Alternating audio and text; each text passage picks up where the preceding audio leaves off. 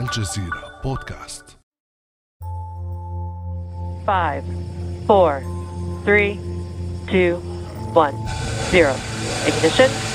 Lift off of the Falcon 9 and Crew Dragon.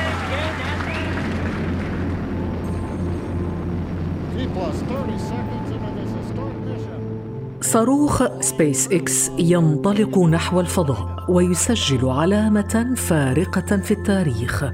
شركة خاصة تنجح لاول مرة على الإطلاق في إرسال مركبة مأهولة إلى الفضاء.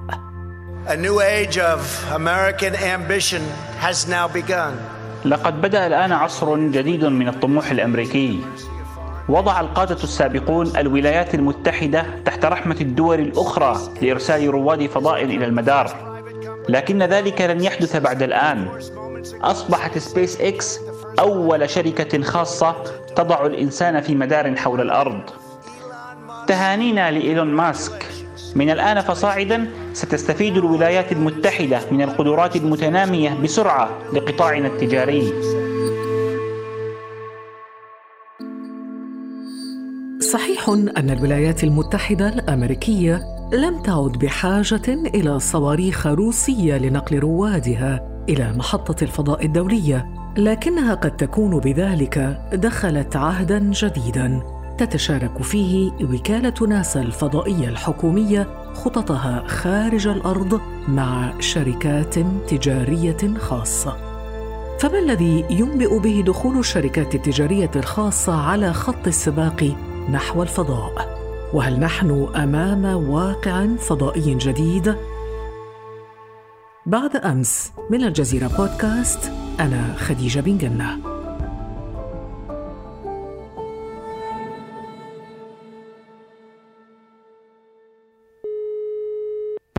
نرحب معنا في هذه الحلقة بالدكتور حنا صابات العميد السابق لمعهد علوم الفلك والفضاء في جامعة آل البيت الأردنية. أهلا وسهلا بك دكتور. أهلا وسهلا بكم وشكرا لكم على هذا اللقاء. دكتور حنا صابات في نهاية مايو الماضي هبط رائدا الفضاء بوب بينكن ودوغ هيرلي بالكبسولة الفضائية التي كانت تقلهما في المحطة الفضائية الدولية وسيظلان هناك لأربعة أشهر لماذا تعد رحلتهما هذه رحلة تاريخية؟ سأقوم بموجز سريع عن موضوع استكشاف الفضاء منذ ولادة عصر الفضاء لكي نفهم خلفية الموضوع في الحقيقة ولد عصر الفضاء رسميا عام 1957 عندما أطلق الاتحاد السوفيتي السابق أو روسيا حاليا قامت بإطلاق أول قمر صناعي مداري حول الأرض. كان ذلك عام 1957 ب 4 أكتوبر ويدعى سبوتنيك الأول سبوتنيك 1 طبعا دول كبرى منها الولايات المتحدة كان لديها خطط بالفعل للوصول أيضا إلى الفضاء ووضع قمر صناعي. لكن الولايات المتحدة ومعها دول غربية كثيرة تفاجأت بأن الاتحاد السوفيتي هو الذي أطلق هذا القمر وبالتالي ولد سباق الفضاء باختصار. لاحقا السوفيت قاموا بإطلاق أول كلب إلى الفضاء أول كائن حي الكلب لايكا وأول إنسان في مدار الفضاء اللي هو يوري جاجارين عام 1961 وأول امرأة في الفضاء فالنتينا تيريشكوفا. أول عملية سير في الفضاء خارج المركبة. ولها العديد من الأسبقيات. لذلك الولايات المتحدة في تلك الفترة يعني في نهاية الخمسينيات مع أنها أطلقت قمرها الصناعي اكسبلورر 1 بعد عدة أشهر من سبوتنيك 1 عام 1958 لكنها لم اعتبرت أنها أهينت. أرادت استرداد اعتبارها فبدأوا عام 1961 قرروا وضع إنسان على سطح القمر وأطلقت سلسلة ميركوري وجيميناي وصولا إلى أبولو من أبولو واحد اللي هي بالمناسبة أبولو واحد فجرت على الأرض يعني في طور التجربة. وصولا إلى أبولو 11 اللي هي وضعت أول رواد فضاء على سطح القمر. لكن كل هذه الرحلات التي ذكرتها دكتور حنا صبات هذه الرحلة الأخيرة تختلف عنها. ووصفت بأنها رحلة تاريخية، ما الذي يفرق أو ما هو الفرق بينها وبين سابقاتها؟ عام 2011 تحديدا تخلت ناسا عن برامجها لوضع بشر في الفضاء. عندما ألغت كافة رحلات المكوكات الفضائية وطبعا تفاجأ الجميع أنا شخصيا منهم إنه كيف يمكن لدولة مثل الولايات المتحدة أن تتخلى عن برنامجها في الارتياد البشري للفضاء؟ ولجأت إلى المنصات الإطلاق الروسية وتحديدا إلى مركبات الفضاء الروسية مثل مركبات سويوز إذا بقيت على هذا الحال لمدة 11 عاما يعني كانت تطلق روادها من خلال منصات روسية لتصل إلى محطة الفضاء الدولية ISS وبهذه الأثناء لجأت إلى القطاع الخاص إلى شركات القطاع الخاص. أذكر منها طبعا سبيس إكس هي الأشهر. وأيضا شركة بوينغ هناك شركة بلو أوريجين سيرا نيفادا كوربوريشن يعني هناك عدد من الشركات لكن اشهرها طبعا سبيس إكس وبوينغ هما اللذان قامتا بتوقيع عقود ضخمة لنقل سواء البضائع أو الركاب من الأرض الأمريكية إلى محطة الفضاء الدولية. اذا النقطة الأهم التي تفرق هي أن الولايات المتحدة الأمريكية لن تصبح مستقبلا بحاجة إلى المنصات الروسية ولا الذهاب إلى كازاخستان وستكتفي اذا بالشركات التجارية الخاصة. مثل بوينغ وسبيس إكس نعم. وكما قال الرئيس الأمريكي وهي يعني من تنطلق من أرض أمريكية وبصواريخ أمريكية، هذا هو المهم بالنسبة لهم وحتى لو لم تكن مملوكة للحكومة الأمريكية. لكن لماذا استعانت الولايات المتحدة الأمريكية؟ نتحدث عن الحكومة، لماذا تستعين بشركات تجارية ربحية؟ هذا هو سؤال مليون دولار كما يقول. مليار دولار. بالضبط أفضل. باعتقادي الشخصي القطاع الخاص وخاصة هذه الشركات الصاعدة نحن نتحدث عن أناس يملكون المليارات أساسا يعني أصحاب هذه الشركات الكبرى ولديهم الطموح لديهم المال الكافي لديهم الطموح ولديهم الخبرة. فمن خلال هذه المعطيات ومن خلال تعاقدات مع الحكومة الأمريكية هذه الشركات الربحية الخاصة موجودة الآن فقط في الولايات المتحدة الأمريكية يعني مش موجودة مثلا في روسيا. صحيح. لنقل هناك شركات فضاء ولكن بمعنى آخر. الشركات التي تقوم يعني بإطلاق مركبات مأهولة نعم هي بشكل رئيسي في الولايات المتحدة لكن آه هذا لا يمنع من وجود الكثير من الشركات الأخرى في كافه دول العالم التي تقوم بتصنيع اقمار صناعية لغايات تطبيقية تجارية منها الاتصالات كالاتصالات الفضائية القنوات الفضائيه مثلا أو الاتصالات الهاتفية أو أو إلى آخره أقمار مراقبة الأرض. هناك كثير السياحة ربما مستقبلا؟ السياحة طبعا هذا موضوع مهم جدا يعني هذه الشركات التي تهتم بنقل الرواد أو البشر إلى الفضاء هي تتطلع إلى الأمام لأنها تدرك أنه في المستقبل سيكون هناك سياحة فضائية والتي تعني أن يذهب بشر عاديين من الأرض يعني ليسوا مهندسين ولا علماء ولا طيارين إلى آخره. لديهم الحالة الصحية الجيدة بداية من خلال الفحوصات ويتلقون تدريبات كافية على الأرض وكذلك لديهم المال الكافي لدفع هذه التكاليف فيمكنهم أن يذهبوا في رحلات مأهولة إلى حاليا هناك لدينا المحطة الفضائية الدولية ISS لكن هناك أيضا سيكون محطة فضائية قريبا خلال بضع سنوات محطة فضائية صينية أيضا. من الممكن للسائح الفضائي أن يذهب في عدة أيام أو أسابيع حتى في مدار حول الأرض ثم يعود بمركبة الهبوط سالما إلى الأرض وهذه طبعا تعتبر ميزة لدى الكثيرين يعني من هواة الفضاء.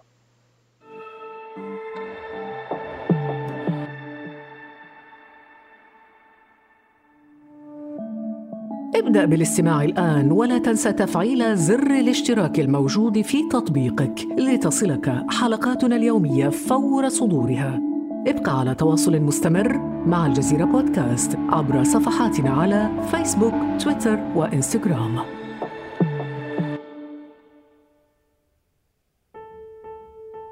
في شركته الخاصة وقبل البدء في تجربة سفينة فضائية غريبة من نوعها جلس الملياردير ريتشارد برانسون صاحب شركة فيرجن جالاكتيك جلس يكتب رسالة لأحفاده يتحدث فيها عن مستقبلهم في الفضاء.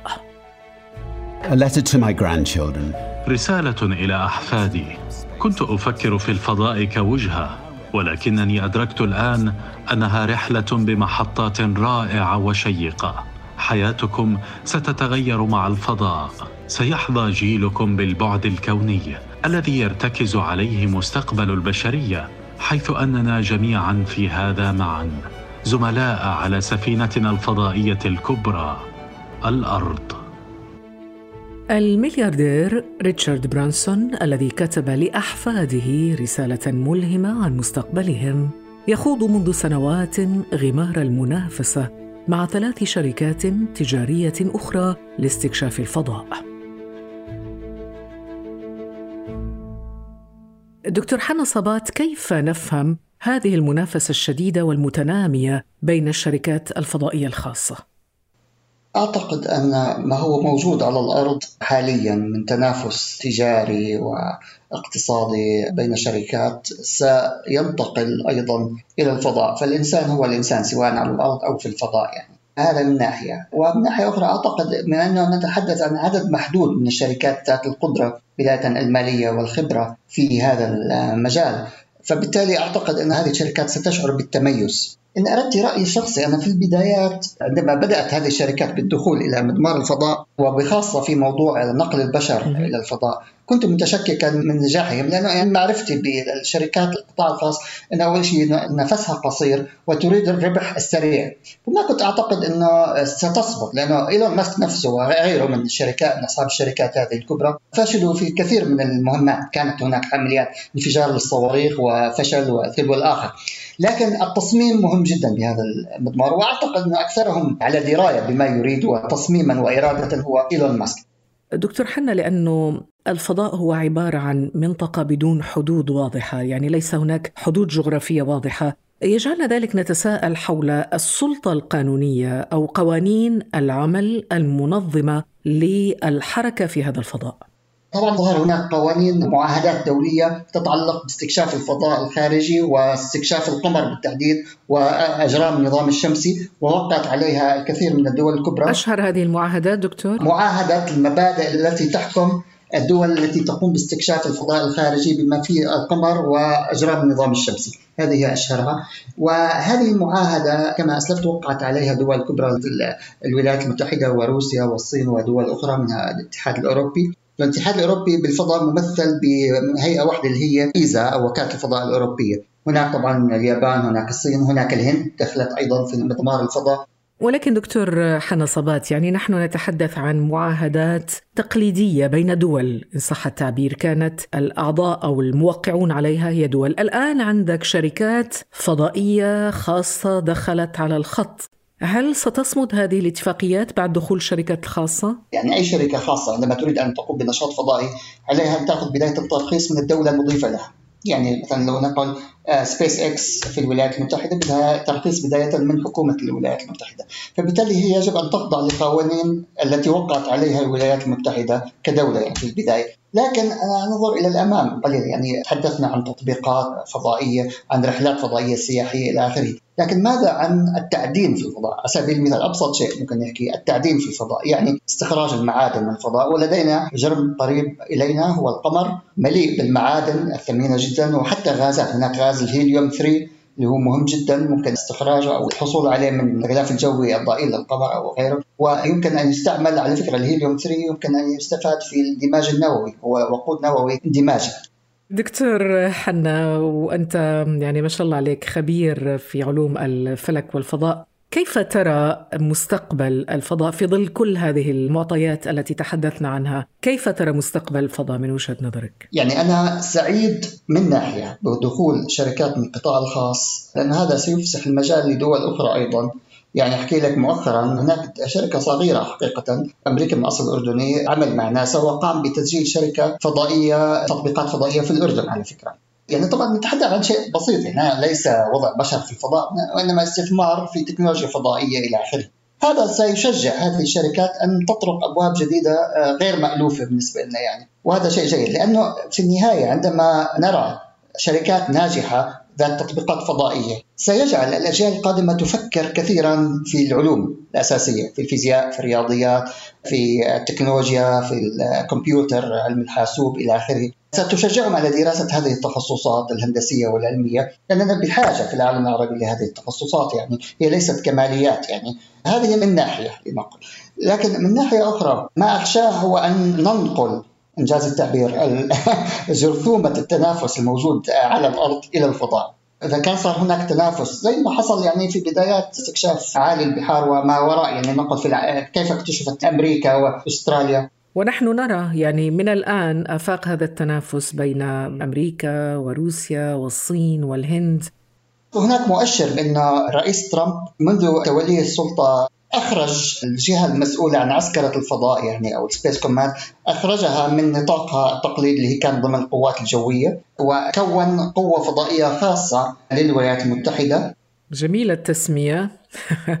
كأنها تشبه تشبه القوات العسكرية الخاصة القوات الفضائية الخاصة الأمريكية. بالضبط قوات فضائية أمريكية. نعم تماما. كما أن هناك قوات جوية هناك حرس السواحل هناك قوات برية هناك المارينز هناك أيضا قوة فضائية أمريكية. فصلت تماما عن نطاقها التقليدي. مثلا لو نظرنا على روسيا لا هي ضمن القوات الفضائية الجوية تسمى الفضائية الجوية جو نعم. مع بعض نعم. لكن في حالة الولايات المتحدة قام بفصلها وهذا برأيي مؤشر إنه ينظر إلى الفضاء كالحلبة الأخيرة التي. يمكن أن يتنافس فيها ولو يتفوق فيها. نعم. وهذا قد يقودنا إلى نوع من الحرب الباردة أو حتى الساخنة الجديدة يعني في المستقبل.